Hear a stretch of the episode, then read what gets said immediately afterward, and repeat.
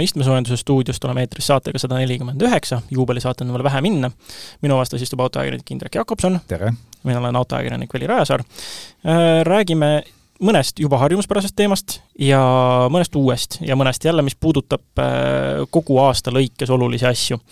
Äh, eks meil tuleb juttu kütusest,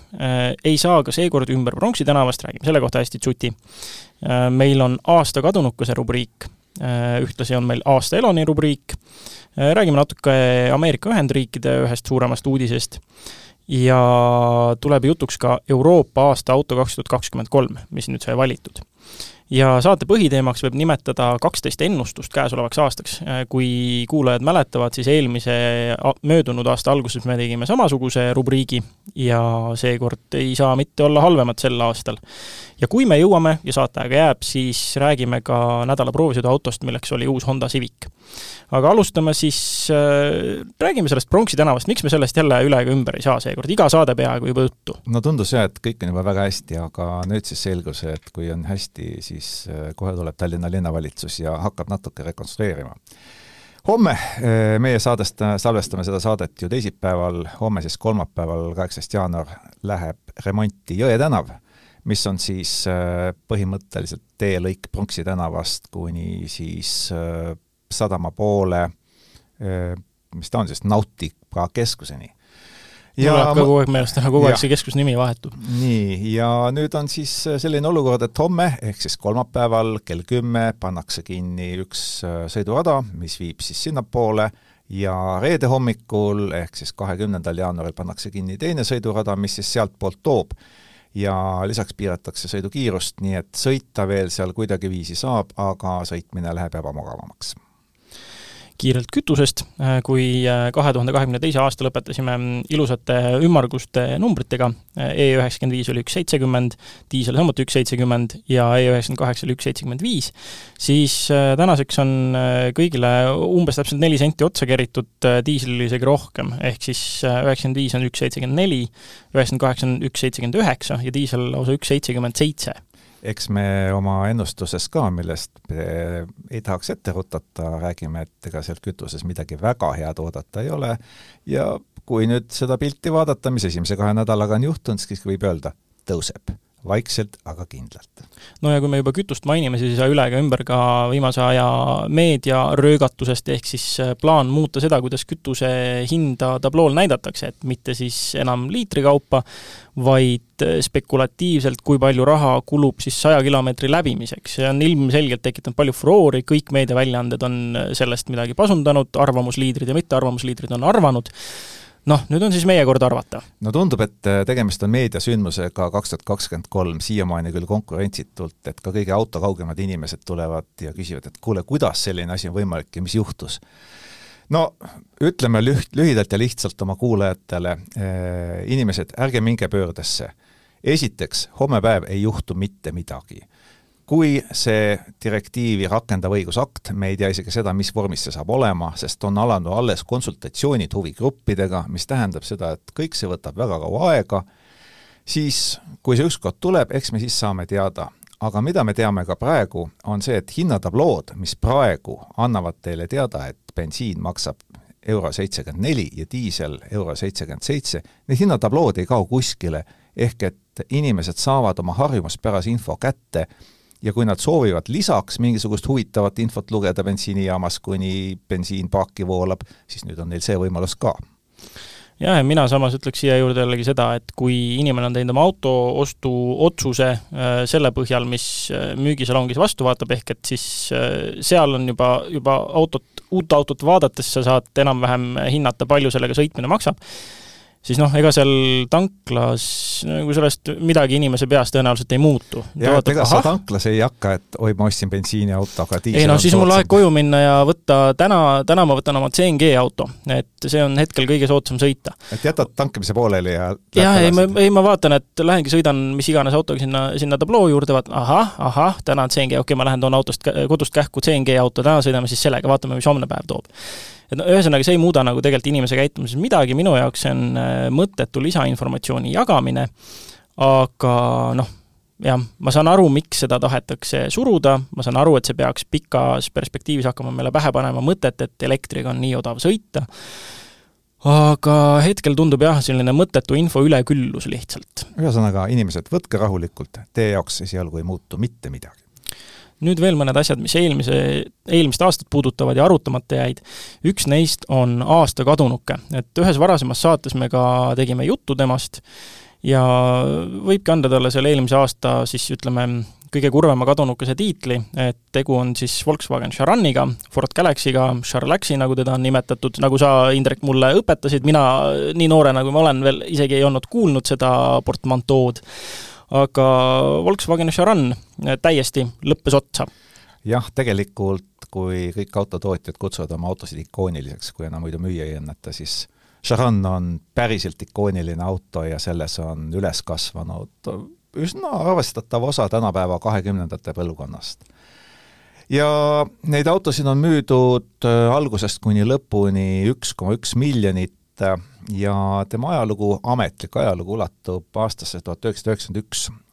et siis lõi Ford äh, Fordiga, Ford Volkswageniga käed, et teeme ühe sellise korraliku suure pereauto äh, multipurpose vehicle, nagu seda kutsuti, siis mahtuniversaali. suur mahtuniversaal või mahtur, ähm, jah, MPV. jah, aga see on see aeg, kus oli teada, et avalikult äh, hakati koostööd tegema, tegelikult salaja hakati arendama juba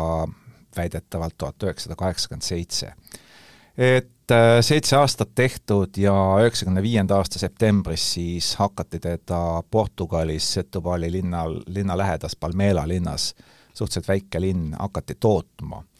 ja toodetigi siis kolme autot paralleelselt, toodeti Volkswagen Charani, toodeti Ford Galaxyt ja Seat Alhambrat, mis siis äh, olid tegelikult üks ja sama auto,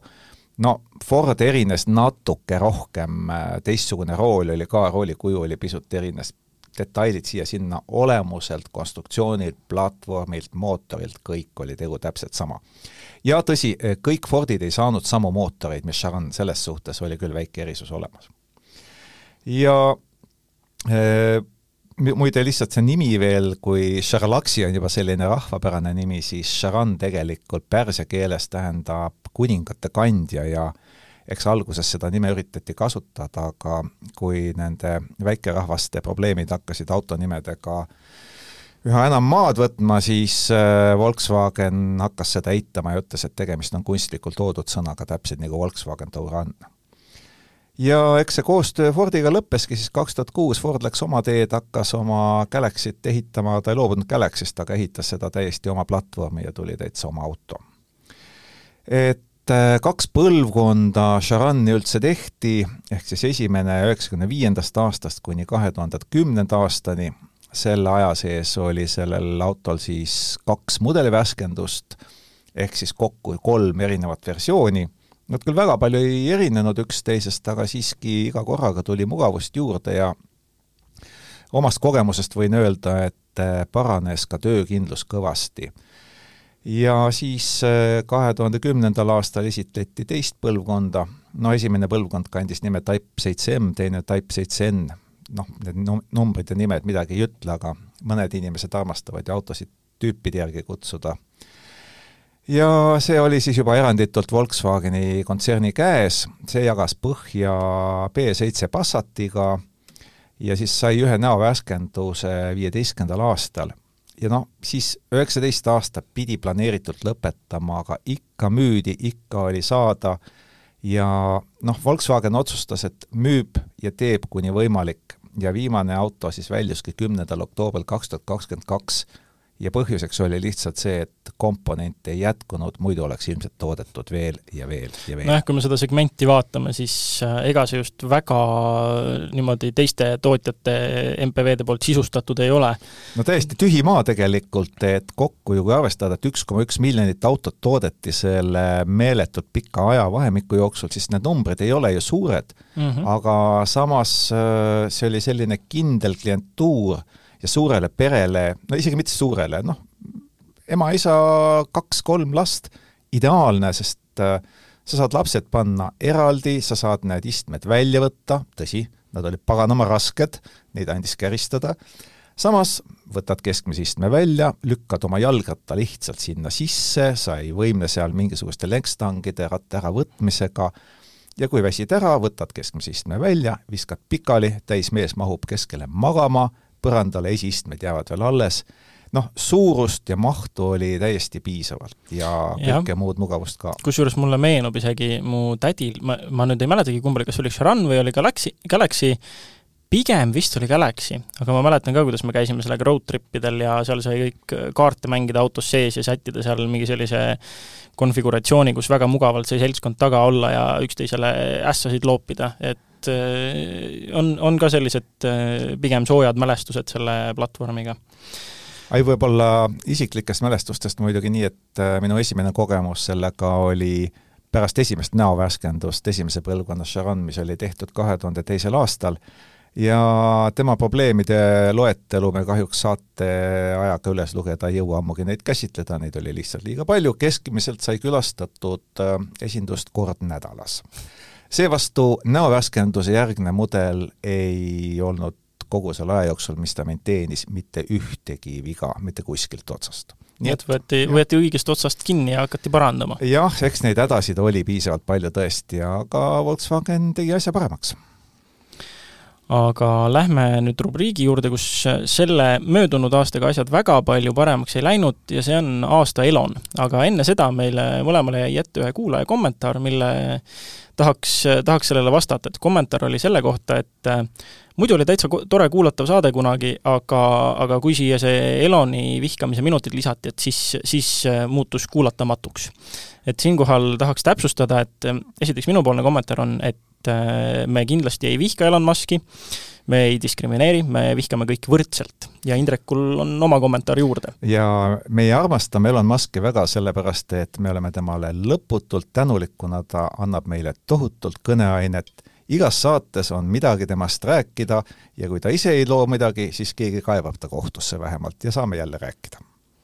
Põhilised asjad, äh, mis möödunud aastal äh, Elonil toimusid, loomulikult esiteks Twitteri ost, see tõi meile ju äh, ometi isegi uue rahaühiku üks Twitter, mis ta meil oli, nelikümmend, nelikümmend neli miljardit? nelikümmend neli oli see, mis Elon maksis, aga no üks Twitter ümardatult viiskümmend miljardit dollarit, et see ikka noh, ümmargune number, hea, hea arvestada. just, siis äh, järgmiseks äh, kaua lubatud õrritatud Semi, mille esimesed mudelid jõudsid klientideni jah, see on täitsa suur saavutus, et äh, Tesla lõpuks oma suure veoauto valmis sai, et oleks oodanud võib-olla isegi mingisuguseid väiksemaid pudinaid. no vaatame, kuidas tal nende finantseerimisega läheb, aga iseenesest, kui need tulema hakkavad ja teedele jõuavad, siis see on nagu, see on nagu hästi märgiline muudatus. järgmiseks oli suur negatiivne areng muidugi see, et äh, mida rohkem Tesla korralikult autosid vorpis, seda mingil põhjusel rohkem väärtus kukkus, et ettevõte kukkus kümne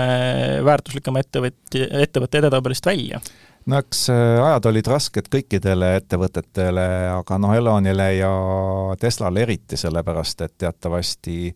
eks Twitteri ostuks oli vaja pisut ka Tesla aktsiate müügist raha teenida, see oli üks asi, mis seda allapoole tiris ja noh, oli ka kõigil selge, et Elonil peale Twitteri enam muuks aega ei jäänud, äh, probleemid Teslas vaikselt kuhjusid, noh, lisaks nendele nii-öelda loomulikele probleemidele, mis Hiina tootmises. Nii või naa, aga kümne väärtuslikuma ettevõtte hulgas Teslat enam ei leia. Ja samuti kukkus Elon ka maailma rikkaima inimese kohalt ära, äh, puht seetõttu, et ilmselgelt tema netoväärtus on äh, täiesti laulatatud Tesla aktsia väärtusega ja Eloni väärtus kukkus umbes sada kakskümmend viis miljardit kahe tuhande kahekümne teisel aastal. mis on erakordselt oluline, sest Elon sai sellega nüüd lõpuks Guinessi rekordite raamatusse kui enim raha kaotanud inimene maailmas aga praegu Eloni kohta rohkem midagi välja tuua ei ole, aga kindlasti ta annab meile kõneainest ka käesoleval aastal, eelmisel aastal oli seda ikka, no, no ikka kõvasti. et veel kord aitäh äh, onu Elonile ja loodame, et uudiseid tuleb veelgi nüüd järgmine asi, mis just hiljuti ära otsustati, on Euroopa aasta auto kaks tuhat kakskümmend kolm. et noh, aasta lõpp, aasta algus, see vahemik on alati see, kus erinevate, erinevad aastaautod muudkui tulevad riburada pidi auhinnad ja Euroopa aasta autoks kaks tuhat kakskümmend kolm valiti väga ül-, minu, minu jaoks väga üllatuslikult Jeep Avenger. no minu jaoks ei ole see väga üllatuslik, sellepärast et äh, noh, iseenesest on tegu ju täiesti euroopaliku autoga. et äh, oli siin chatis ka väike arutelu sel teemal, et kas äh, on veel mõned autod, mis temaga sama platvormi jagavad ja vastus oli see, et äh, leidke autod, mis ei jaga. ehk Stellantise kontserni platvormile tehtud ja akupõhi kõik on see, mida jagavad Peugeot, äh, Citroen ja veel mitmed teised margid, kes kõik sinna suurde hulka kuuluvad. Aga muidugi, miks see on märgiline, see on ikkagi Stellantise Ameerika brändi jaoks esimest korda selle maineka auhinna võitmine. kas ta nüüd päris Ameerikast esimene ameeriklane on, vot selle üle vaieldakse siiamaani, et teatavasti Chrysler Simca eh, ehk siis eh, mõne aja pärast juba Talbot sai selle tiitli tuhat üheksasada seitsekümmend üheksa ja siis tundus vist nii, et kui ta seda hääletus oli, siis ta oli veel Chrysler ja müük parasjagu käis, nii et kui ta nagu täieõiguslikuks aasta autoks sai, siis ta oli juba täitsa Talbot ja täitsa Euroopa auto, nii et tema puhul on see nii või naa, et kas kas nüüd Jeep Avenger on see kõige esimene ameeriklane või mitte, aga kindlasti on ta esimene Jeep selle kaubamärgi esindaja. noh, samas kui me läheneks autodele nagu inimestele, siis äh, mõtleme näiteks just oli, et Eesti juurtega kosmonaut äh, läks kosmosesse hiljuti, on ju, siis ikka kõik eestlased tahavad vastu rinda, et eestlane. kui kusagil keegi on, kes on pooleldi või veerandilt, verelt eestlane, siis ikka tahavad vastu rinda ja siis noh, kui keegi samasugune kaotab, on ju, see on jälle sama, kurat, jälle ikka, või siis on, või siis teine variant on see, et siis, siis ta ei ole eestlane. Yeah.. et ütleme, siin, siin võib öelda nagu, kui ta oleks inimene, ütleme, siis oleks, siis oleks Chrysler Simca esimene ameeriklane, kes, kes selle auhinna sai. jah, aga noh, nüüd kuna ta on ainult auto, siis me võime lihtsalt leppida sellega, et eks ta üks Stellantise paljudest brändidest ole. Aga miks see üllatav minu jaoks oli, on pigem ka see, et kui me vaatame kogu ülejäänud nimekirja, seitse esimest kohta, siis, äh, siis see on ikka täiesti öö ja päev sellest, mis äh, Eesti aasta auto seltskonda sattunud on ja Eesti autogala seltskonda no ega siin mitte ühtegi autot tegelikult samad ei ole, aga tegelikult ei ole siin midagi üllatavat, sest need autod ei ole Eestis lihtsalt kohal. Jeep Avengeri õnnestus mul endal näha ainult Pariisi autonäitusel, ID-buss äh,, reklaame oleme igal pool suurelt näinud äh,, räägitakse, et kohe-kohe jõudvat esimene buss Lätti, igatahes Eestis veel teda liikumas ei ole näinud, aga ole sa lahke, Euroopa aasta autovalimistel teine koht. kolmandal on äh, Nissan Aria ja noh, nüüd sellega on jälle see, et ma, ma, sina vist said Nissan Ariga, ei ole ikka saanud sõita, jah? ikka veel mitte. okei okay,, kunagi rääkisime, sest et mul Rootsis õnnestus temaga ikka niisugune poolepäevane tiir teha, aga see on noh, ka arusaadav, miks ta meil siin valimis, valimis ei olnud neljandal auhinnalisel kohal on Kiia Niro ja kuigi see auto ei saavutanud Eestis finalisti staatust ei Eesti autogalal ega aasta auto valimistel, siis tegu on äh, ühe igavesti hea autoga ja universaalsõdur, nagu ütlesime, oleme selle hübriidversiooniga sõitnud, istmesoojenduses rääkinud, Acceleristas kirjutanud ja nüüd jõudis Eestisse ka selle täiselektriline versioon, nii et et äh, sellest umbes kuu aja pärast peaks ka saama nii kuulda kui lugeda. Kiia Niro on see auto, mis äh, minu hinnangul tõesti väärib vähemalt seda neljandat kohta, kui mitte kõrgematki. no oleks võinud ka, ka meil Eestis siin valimis olla. või no ütleme siis jõuda kõrgemale, kui, kui äh, esiseltskonnast välja jääda aga viiendal kohal Renault Austral, jällegi mina ei ole sõitnud, äh, aga sina oled lausa vist korduvalt, kaks korda. no üks päev ja järgmine päev nii võtta. või siis, siis, aa õige, siis sa vist nägid teda mingi hetk ja siis järgmine kord alles sõitsid midagi säärast. just, eks ole, et äh, kirjutasin ka äh, Renault Mark Äh, on kuidagi oma maasturite osas järjest tagasihoidlikumaks muutunud, nii et nelikveolisi autosid nagu eriti Renault kaubamärgi all minu meelest enam ei müüdagi. no kui laoautod muidugi välja arvata, mida veel siin-seal võib leida. et äh, viies koht, äh, väga austusväärne, suur auto, mugav auto, väga mõistlikult hinnastatud, nii et äh, ootame sellele autole piisavalt auhindu Eestis siis järgmine aasta kuuendal kohal jälle midagi, mis meil ei figureerinud, Peugeot nelisada kaheksa ja jällegi ei ei ole näinud, ei ole puutunud, ei ole sõitnud, sina oled teda vist Pariisis näinud? olen Pariisis näinud, sees istunud, kahjuks mitte meetritki liikunud. Ja see oli see auto, mille kohta ma ütlesin, et noh, ei tohi ootusi üles kütta, et äh, pärast on pettumus suur, et noh, on tore auto küll, aga, aga mitte nii suur, kõik ootasid äh, maailma revolutsiooni. ei noh, tavaline elupärane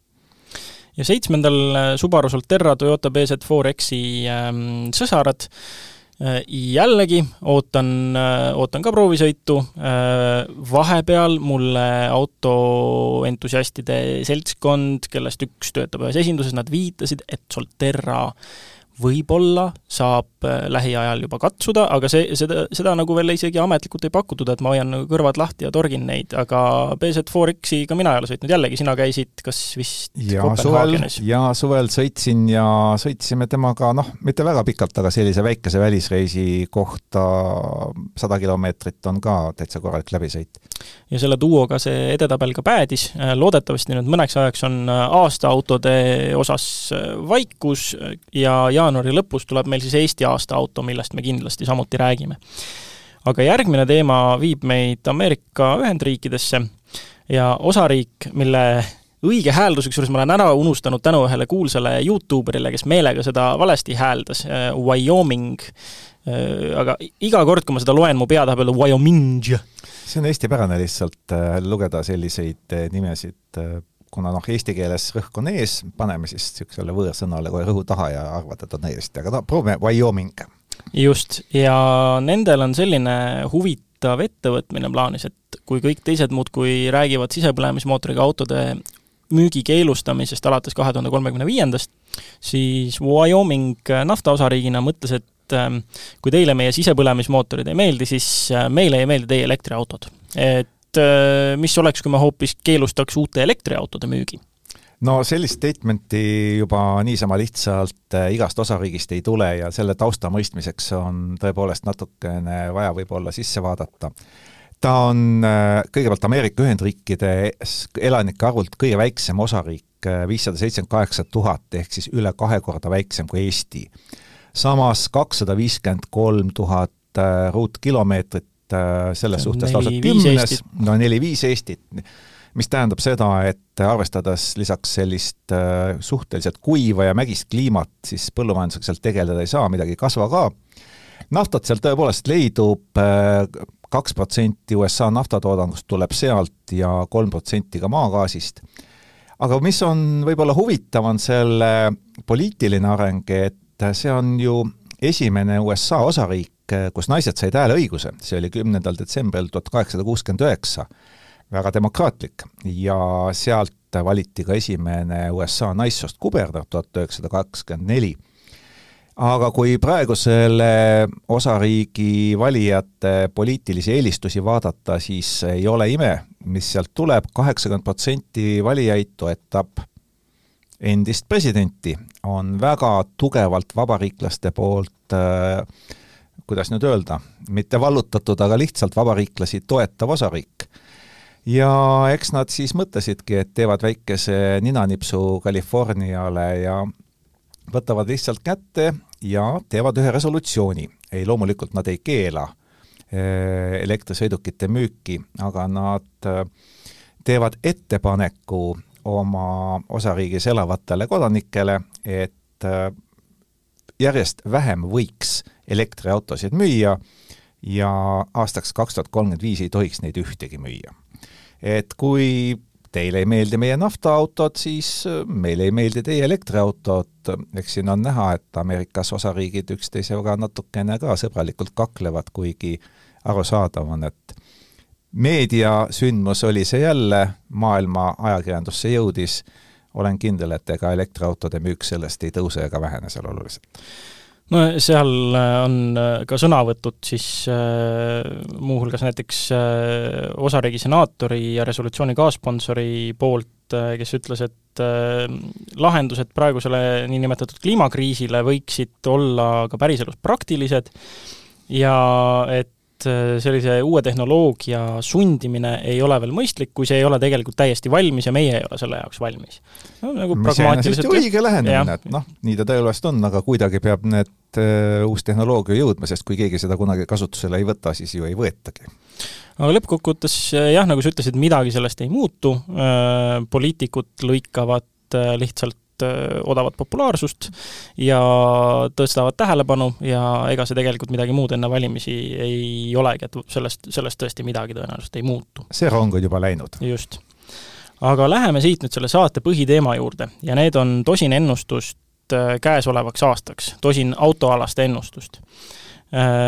kui me rääkisime siin eelmine, oli vist eelmine saade, vaatasime, vaatasime, kui palju täkkesse läks, siis äh, seekord sa võtsid ja panid nendele ennustustele juurde ka mõõdikud, et siis järgmine kord oleks lihtsam ennustada, kui palju täppi läks. jah, et kui rääkida sellest, et äh, diiselmootor hakkab vaikselt kaduma, siis noh, selline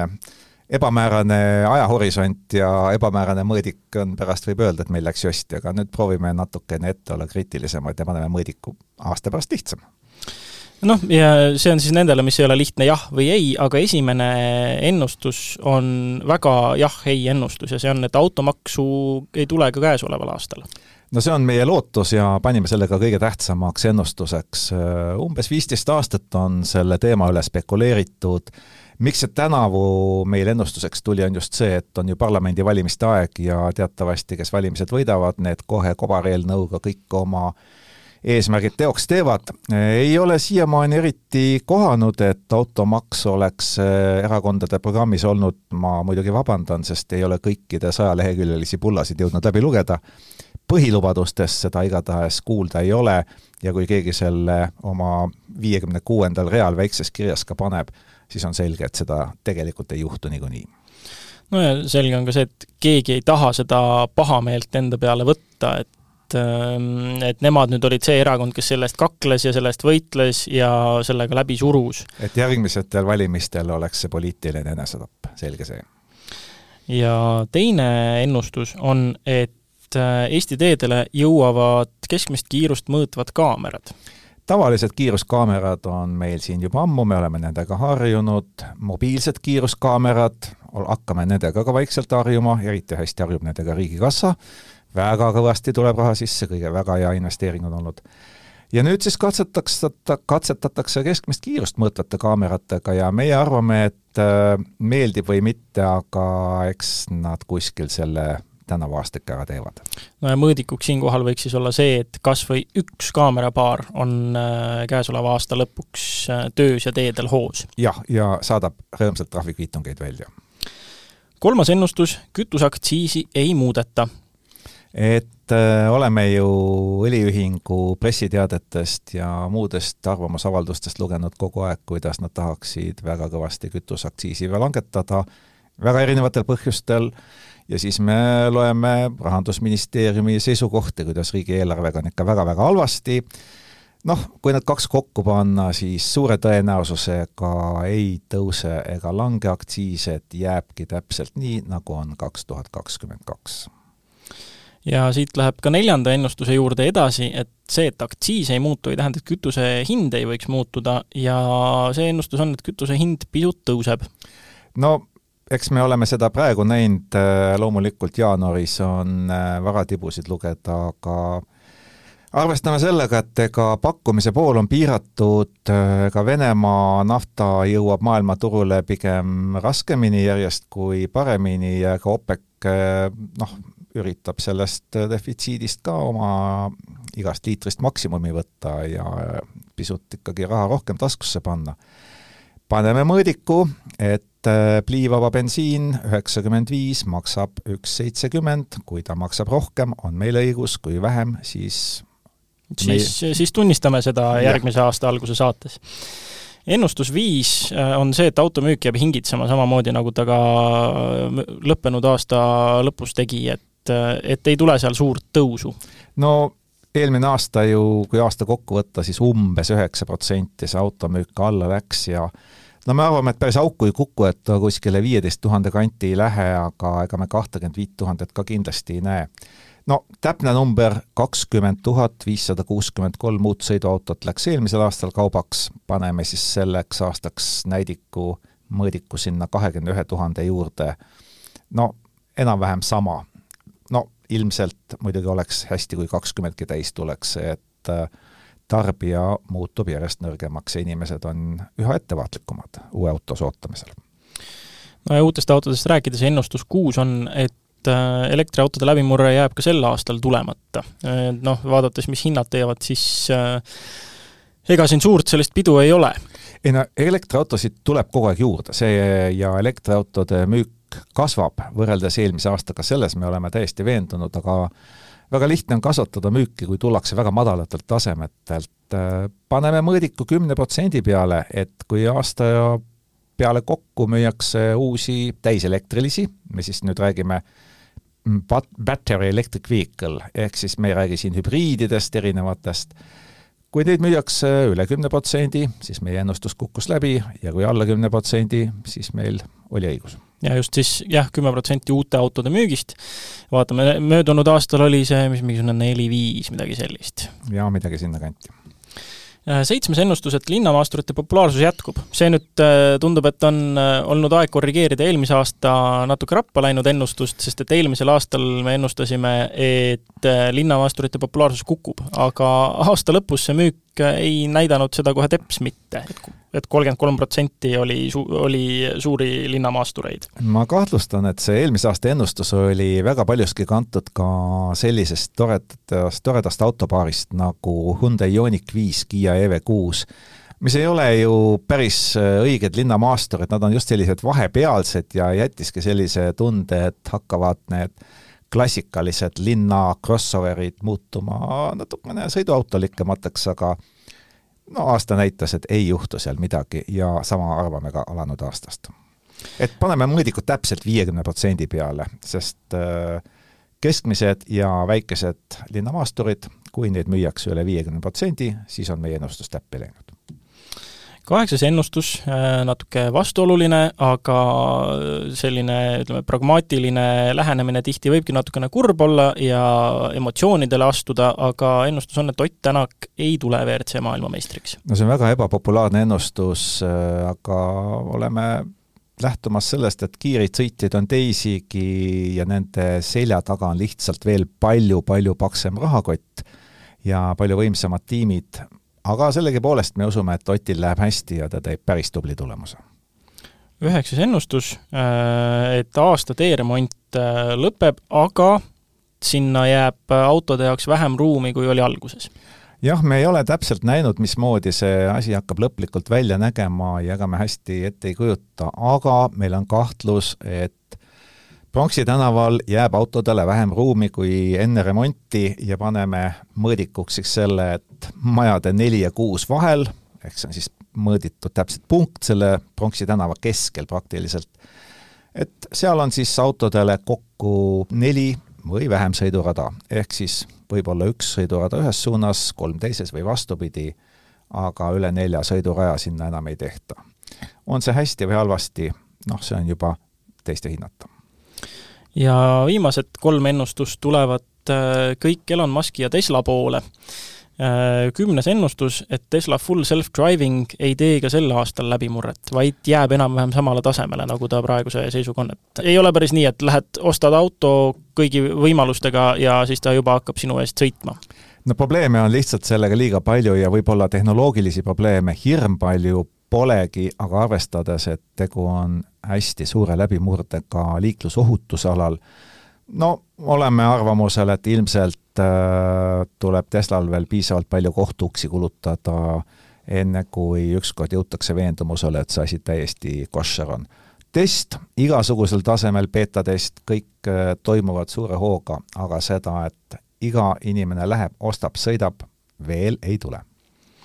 üheteistkümnes ennustus, kui muidu Semiga oli häid uudiseid, siis äh, paistab, et selle arvelt on kannatanud Cybertruck. Ja ennustus üksteist, et Cybertruck ei jõua kahe tuhande kahekümne kolmandal aastal äh, müüki ja seeriatootmisse. jah, see, eks nende demoautodega käiakse näituselt näitusele ikka, aga Cybertruck ei ole tegelikult ju tootmisküps kui auto, ta on väga tootmisküps kui näidis, kui idee, aga selleks, et teda vooluliinile panna, sertifitseerida ja saada talle müügiluba, see on natukene keerulisem ja me arvame, et selle aastaga see ei juhtu. ja viimane, kaheteistkümnes ennustus kahe tuhande kahekümne kolmandaks aastaks et Elon Musk ei saa tagasi oma maailma rikkaima inimese tiitlit. on nüüd iseasi, kas siis see tiitel jääb praegusele rikkaimale inimesele vabandust nüüd mu prantsuse keele hääldus, Bernard Arnault'le või saab selle tagasi Jeff Bezos oma erinevate ettevõtmistega, aga arvamus on jah, et Elon Musk seda enam endale tagasi ei võta, vähemasti selle aastaga. ja meie mõõdik on väga täpselt, et Elon Muski netoväärtus ei ole maailma suurim Forbesi hinnangu üle sellised olid meie tosin ennustust käesolevaks aastaks, eks me vaatame nad üle umbes täpselt aasta pärast. aga nüüd on aeg rääkida selle nädala proovisõiduautost, milleks oli uus Honda Civic. Ja me sõitnud oleme sellega mõlemad, sina küll pikemalt, mina natuke põgusamalt, aga eks me natuke arutada saame, saame siin ikkagi, ma juba ette pean tunnistama, et äh, nendest autodest, mis äh, lä-, viimasel ajal läbi sõidetud, oli see minu jaoks üks posi-, positiivsemaid üllatusi. aga see on jälle võib-olla nagu selline natukene Äh, ütleme siis äh, reservatsiooniga selles osas, et äh, teadagi mulle meeldivad sportlikud autod, autod, mis annavad head tagasisidet, autod, millel on tore hääl, noh, mis iganes. ja tema üllatas just selle koha pealt, et isegi kui automaatkastiga, isegi kui tavaline Civic oleme täpsed, variaatorkastiga. jah, siis isegi sellest hoolimata ta jättis teistest autodest palju täpsema ja nauditavama mulje et see oli minu esimene emotsioon, mis ma väga lühikese sellise talvise proovisõiduga kätte sain ja no tõesti nautisin. et ükskõik, et seal mulle tundus, et mootori hääl tuleb sisse kõlaritest ja natukene liiga sellist käris, kärisevat äh, nooti on sinna juurde keritud, sellest hoolimata, et ütleme, see ei seganud seda elamust nii hullult, et et äh, mina kiidaksin kohe esimese asjana tema sõidu ja juhitavuse täpsust. ma sekundeerin sulle sajaprotsendiliselt, sest õnnestus selle Civicuga sõita väga erinevatel aegadel, nii siis, kui lumi ja jää valitses veel tänavatel, kui siis, kui need olid juba ära sulanud. ja äh, tegu on ühe jahmatavalt positiivse autoga selles suhtes, et kui mina armastan alati kõikvõimalikud abilised sisse lülitada, nii palju kui võimalik, ja siis vaadata, kui palju nad mind kiusavad siis äh, ma ei ole kohanud, no ma võin nüüd mõnele liiga teha, aga ütleme nii, et enamusest autodest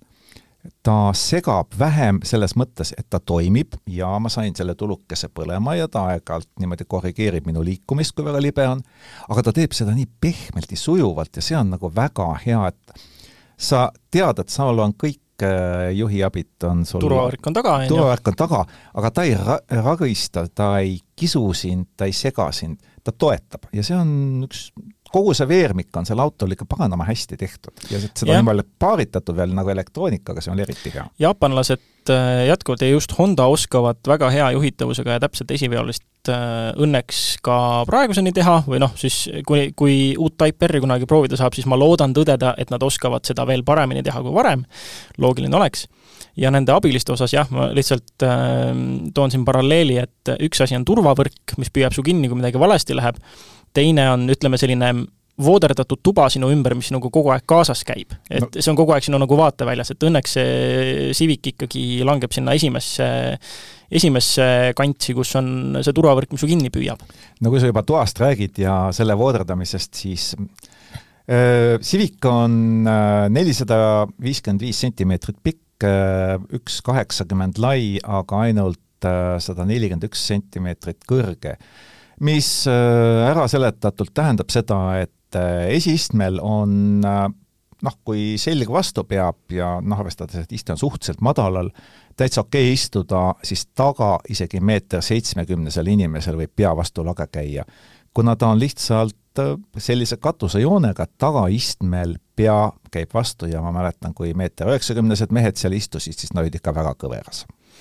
aga kui me juba seal sõitjate ruumis otsapidi oleme, siis äh, kuidas sa kokku võtaksid, mis sulle seal meeldib äh,, materjalid, vaikus äh,, intuitiivsus, multimeedia äh,? Materjalid, vaikus, intuitiivsus, väga okei okay Äh, esimene emotsioon, istud sisse, vaatad, on nupud ja nupud on päriselt ja nende nuppude all ongi need funktsioonid, mis sul vaja on, no suurepärane. uskumatu, et äh, praegusel ajal äh, tagasiminek juurte juurde võib mõjuda nii värskendavalt, on ju. no ja siis, kui keskkonsooli kohal olev ekraan ükskord tööle hakkab, siis sa saad aru, et see on vist võetud äh, kuskilt eelmise kümnendi varuosa riiulitelt, et sellel sellel nüüd aastaga kaks tuhat kakskümmend kolm küll midagi ühist ei ole, et see on kuidagi sinna kogemata sattunud jaa, see on see koht, see, selles siis, kus tagasi juurte juurde minek ei ole värskendav. jah, see toimetab suhteliselt uimaselt, tema graafika on kohutav ja noh, ega ta funktsionaalsus ka nüüd maailma parim ei olnud. suured äh, nupud äh,, suured, jah, ta on vähemalt puutetundlik, me ei saa nüüd öelda, et ta oleks täiesti nagu ikaldus, aga ütleme nii, et äh, konkurendid oskavad äh, seda paremini teha. aga see, et nupud on alles ja nupud töötavad ülejäänud osas, see on suurepärane see on jälle üks neist asjadest, et isegi kui midagi on kehvasti, siis see, selline lähenemine on, see, see kaalub lihtsalt nii palju üles ja võimaldab nii palju andeks anda. ja kui toast veel rääkida, siis äh, pakiruum tehase andmetel on nelisada kümme liitrit, mis on tegelikult suhteliselt vähe aga kui ma vaatasin seda, siis ma oleks pakkunud viissada vähemalt ja põhjus selles, et see on hästi pikk, lai ja madal, et noh, ta on tegelikult praktiline, et sa saad vedada seal palju suuremaid asju, kui sul võib-olla oleks sellise kuubikujulise ruumiga, et äh, palju seda kõrgust tavaliselt vaja on, ikka on vaja asju üksteise kõrvale panna, nii et selles suhtes on pakiruum küllaltki mõistlikult lahendatud järgmiseks äh, mootor, mida, mis äh, konfiguratsioone talle üldse pakutakse? no sa räägid väga ilusti ainsuses. tal on täpselt üks mootor, sada kolmkümmend viis kilovatti ehk sada kaheksakümmend neli hobujõudu, noh loomulikult Euro kuus D nagu ikka, bensiinimootor, ühendatud siis esisillaga läbi variaatorkasti ja kogu lugu, et seal mingisugusest mootori valikust me ei räägi aga see mootor, no sada kaheksakümmend neli hobust on ju ikkagi täitsa, täitsa okei number, et e, noh, võib-olla ma ei proovinud küll temaga kunagi foori tagant kellelegi pähe teha, aga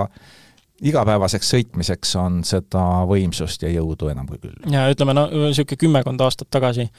okei okay,, tegelikult rohkem, ma praegu äh, sain õudusega aru, et äh, Civic Type R jõudis kahesaja hobujõuni juba kusagil kahe tuhandendate alguses, mis on kaugemal, kui tahaks tunnistada. no aga me äh, räägime tavalisest Civicust. et jah, et ühesõnaga lihtsalt selles mõttes, et mingi, alles mõni aeg tagasi oli see võimsus selline, mida esiveolisele arvati liiga palju olevat. no see mõni aeg tagasi, kui meenutada äh, seda, et et sellel uuel Civicul on räägitud, kui palju ta on ikka kasvanud ja nüüd on ta juba omaaegse akordi mõõtu, siis mul tuleb meelde, et mul on kunagi olnud tõepoolest Honda Accord ja see oli umbes täpselt kakskümmend aastat tagasi ja sellel oli sada kolmkümmend kolm hobujõudu, kui ma ei eksi, umbes sinna suurusjärku kaheliitrisest mootorist välja võetud esiveoline,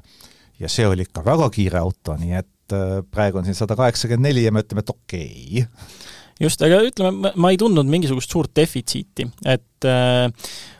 ma tunnistan ja kui ma eksin, siis ma, siis võib mind rahulikult parandada, olgu see sina või mõni kuulaja, aga ma olen üpris kindel, et tegu on seal lahtise diferentsiaaliga, et tal ei ole mingit sorti piiratud libisemisega diferentsiaali seal, et ütleme, et ma ei, ma ei, ma ei kusagile ei tundnud, et ta oleks ikkagi hätta jäänud selle tõttu, kiirendamisel ei olnud mingisugust seda, et ainult üks lajataks ja teine käiks tühja, et aga seda, seda suudab ju elektroonika tänapäeval üsna pehmelt kontrollida. jah, just. et ütleme, see, see võimsus on adekvaatne ja selle mahapanemisega ei ole tegelikult ka mingisuguseid probleeme. jah, et see oli üsna üllatav, kui ilusti ta selle võimsuse maha pani, et noh, libedatel teeoludel, mis ju siin ikkagi talvetingimustes on, ja sportrežiimis sai ka sellega täitsa kenasti hakkama ja üks asi, mis mulle Civicute karakteri juures äh, vaata et kõige rohkem meeldib, vahet ei ole, olgu see Type R või tavaline Civic, ähm, ütleme siis, eesti keeles võiks selle nimi olla võib-olla visatav või loobitav auto, et äh, inglise keeles ma kasutaks tossable. see tähendab seda, et ma võin lihtsalt minna ja visatada kuidagi kurvi sisse, kui tee on natuke libedam, tõmmata korra jala gaasilt ja saba ilusti libiseb, et noh, jällegi see on see Type R-i puhul, see on lihtsalt äh, palju rõhutatum, et noh, sa tõesti näiteks kas või audruringi sellel karussellil, kui äh, rada on libedam, sa saad konkreetselt äh, võtta selle kurvi niimoodi, et kogu aeg saba libiseb. ja seda esiveolises autos, et see on asi, mida Honda on juba teinud Integra Type R-i aegadest, et see veermik on niimoodi sätitud, noh, Integra puhul oli ju see legendaarne lugu, et see auto plaaniti alguses nelikveoliseks, teist auto oli olemas, mindi, sõideti ja siis avastati, et esiveoline oli kiirem temast. ja, ja sealt kogu see Type R-i äh, pärand, nagu ütleme siis, legendaarsus algaski, et juba sellele autole oli platvormi sisse kirjutatud see, et kui sa jala gaasilt tõstad, siis saba läheb. ja, ja see oli nagu featuur, mitte viga et.... aga see saba ei lähe palju praegu, et tegelikult saba liputama on seda autot võimalik saada ilusti, mis on kõige toredam, kontrollitult. ta ei, ta, sa võid teda liputada, aga ei tahe sul käest ära noh, erinevalt äh, mõnest äh, tugevalt tagaveolisest elektriautost, äh, millest me räägime mõni teine kord. Et ühesõnaga, see, seda ma kiidan vast kõige rohkem, et ükskõik, et ma olen seni seostanud seda pigem Type R-i veermikuga, seda karakterit, siis see on jõudnud ikkagi ilusti ka Civicu platvormini ja talvisel ajal no muidugi ta ei asenda nelikut ega tagavedu lõbu, lõbufaktori poolest, aga no ikka on lõbus, esiveolise mm. kohta. ja et... pereautole väike lõbu käib ju juurde, et sa ei pea omale ostma teist autot, sest see ei oleks ilmselt rahakotile nagu kasulik, aga ja, sa saad just. oma selle üheainsa täiesti igapäevase pereautoga pisut lõbutseda ja sa ei lähe samal ajal nii-öelda üle piiri, sa ei muutu ohtlikuks, et noh, selles suhtes väga hea kombinatsioon heast juhitavusest ja turvalisusest aga räägime lõpetuseks ära, me oleme siin äh, võimsusest rääkinud, äh, mahutavusest, pikkusest, laiusest, kõrgusest, aga mis hinnaga teda saab? kolmkümmend, äh, teda on kolmes varustustasemes, kolmkümmend kaks tuhat on kõige odavam ja kolmkümmend kaheksa tuhat on siis kõige kallima versiooni leti hind, nii et kas see on odav või kallis, see jääb nüüd igaühe enda otsustada, paar aastat tagasi me oleks ta kindlasti kalliks tituleerinud mm, -hmm. aga tänapäeva autohindade juures äh, oleme sunnitud möönma, et ei olegi väga kallis. jah, kurb on lihtsalt see, et paar aastat tagasi see kolmkümmend kaheksa oli Civic Type R-i hind, et äh, nüüd siis, kui see uus Type R meile peaks jõudma, siis mis, kas me ootame siin viiekümne tuhandest autot või? no kindlasti et äh, sellest on juba kahju, et selle Type R-i kui ähm, ütleme, keskmisele inimesele taskukohase sportauto mm, rong võib-olla on läinud või, või on tõesti keskmine inimene siis siin saanud nii palju rikkamaks, et meie oleme maha jäänud, aga minu peas ütleme, see viiskümmend ei ole enam keskmise inimese sellise mm, igapäevaselt kasutatava sportliku taustaga auto hind, aga noh, jällegi, või võib-olla ma olen, ma olen lihtsalt ise piisavalt vaene. ja kui rääkida sellest, mida vaene inimene alati hoolega vaatab, ehk kütusekulu, siis äh, Honda pakub äh, soodsamale versioonile nelja koma seitsme liitrist sajale bensiinikulu, kahele rikkamalt varustatud mudelile siis äh, viis liitrit täpselt sajale. Ja see on VLTP järgi ja meenutame, et VLTP metoodika puhul on kliimaseade välja lülitatud, mis tähendab seda, et sellises varatalvistes tingimustes temperatuur null siia-sinna, pigem miinuse poole, sain mina kuus koma üheksa liitrit sajale, täiesti keskmine sõiduprofiil, umbes pool linna, pool maad, ilma kihutamata, pigem nagu ikkagi sõites sellist äh, tagasihoidliku, rahuliku sõidustiiliga, et kaks liitrit juurde. Ja kusjuures paak on üsna väike, nelikümmend ainult, et äh, noh, tõenäoliselt arvatakse, et hübriidile ei olegi enam bensiini väga palju vaja, aga talvel paraku tuleb arvestada jah, kaks liitrit läheb sellele tehase normile rahulikult juurde aga just sellise tõdemusega ja sellise proovisõiduga lõpetame ka oma saate järjekorra numbriga sada nelikümmend üheksa, aitäh nendele, kes lõpuni kuulasid ja loodetavasti kuulate meid ka järgmisel korral! Kuulmiseni!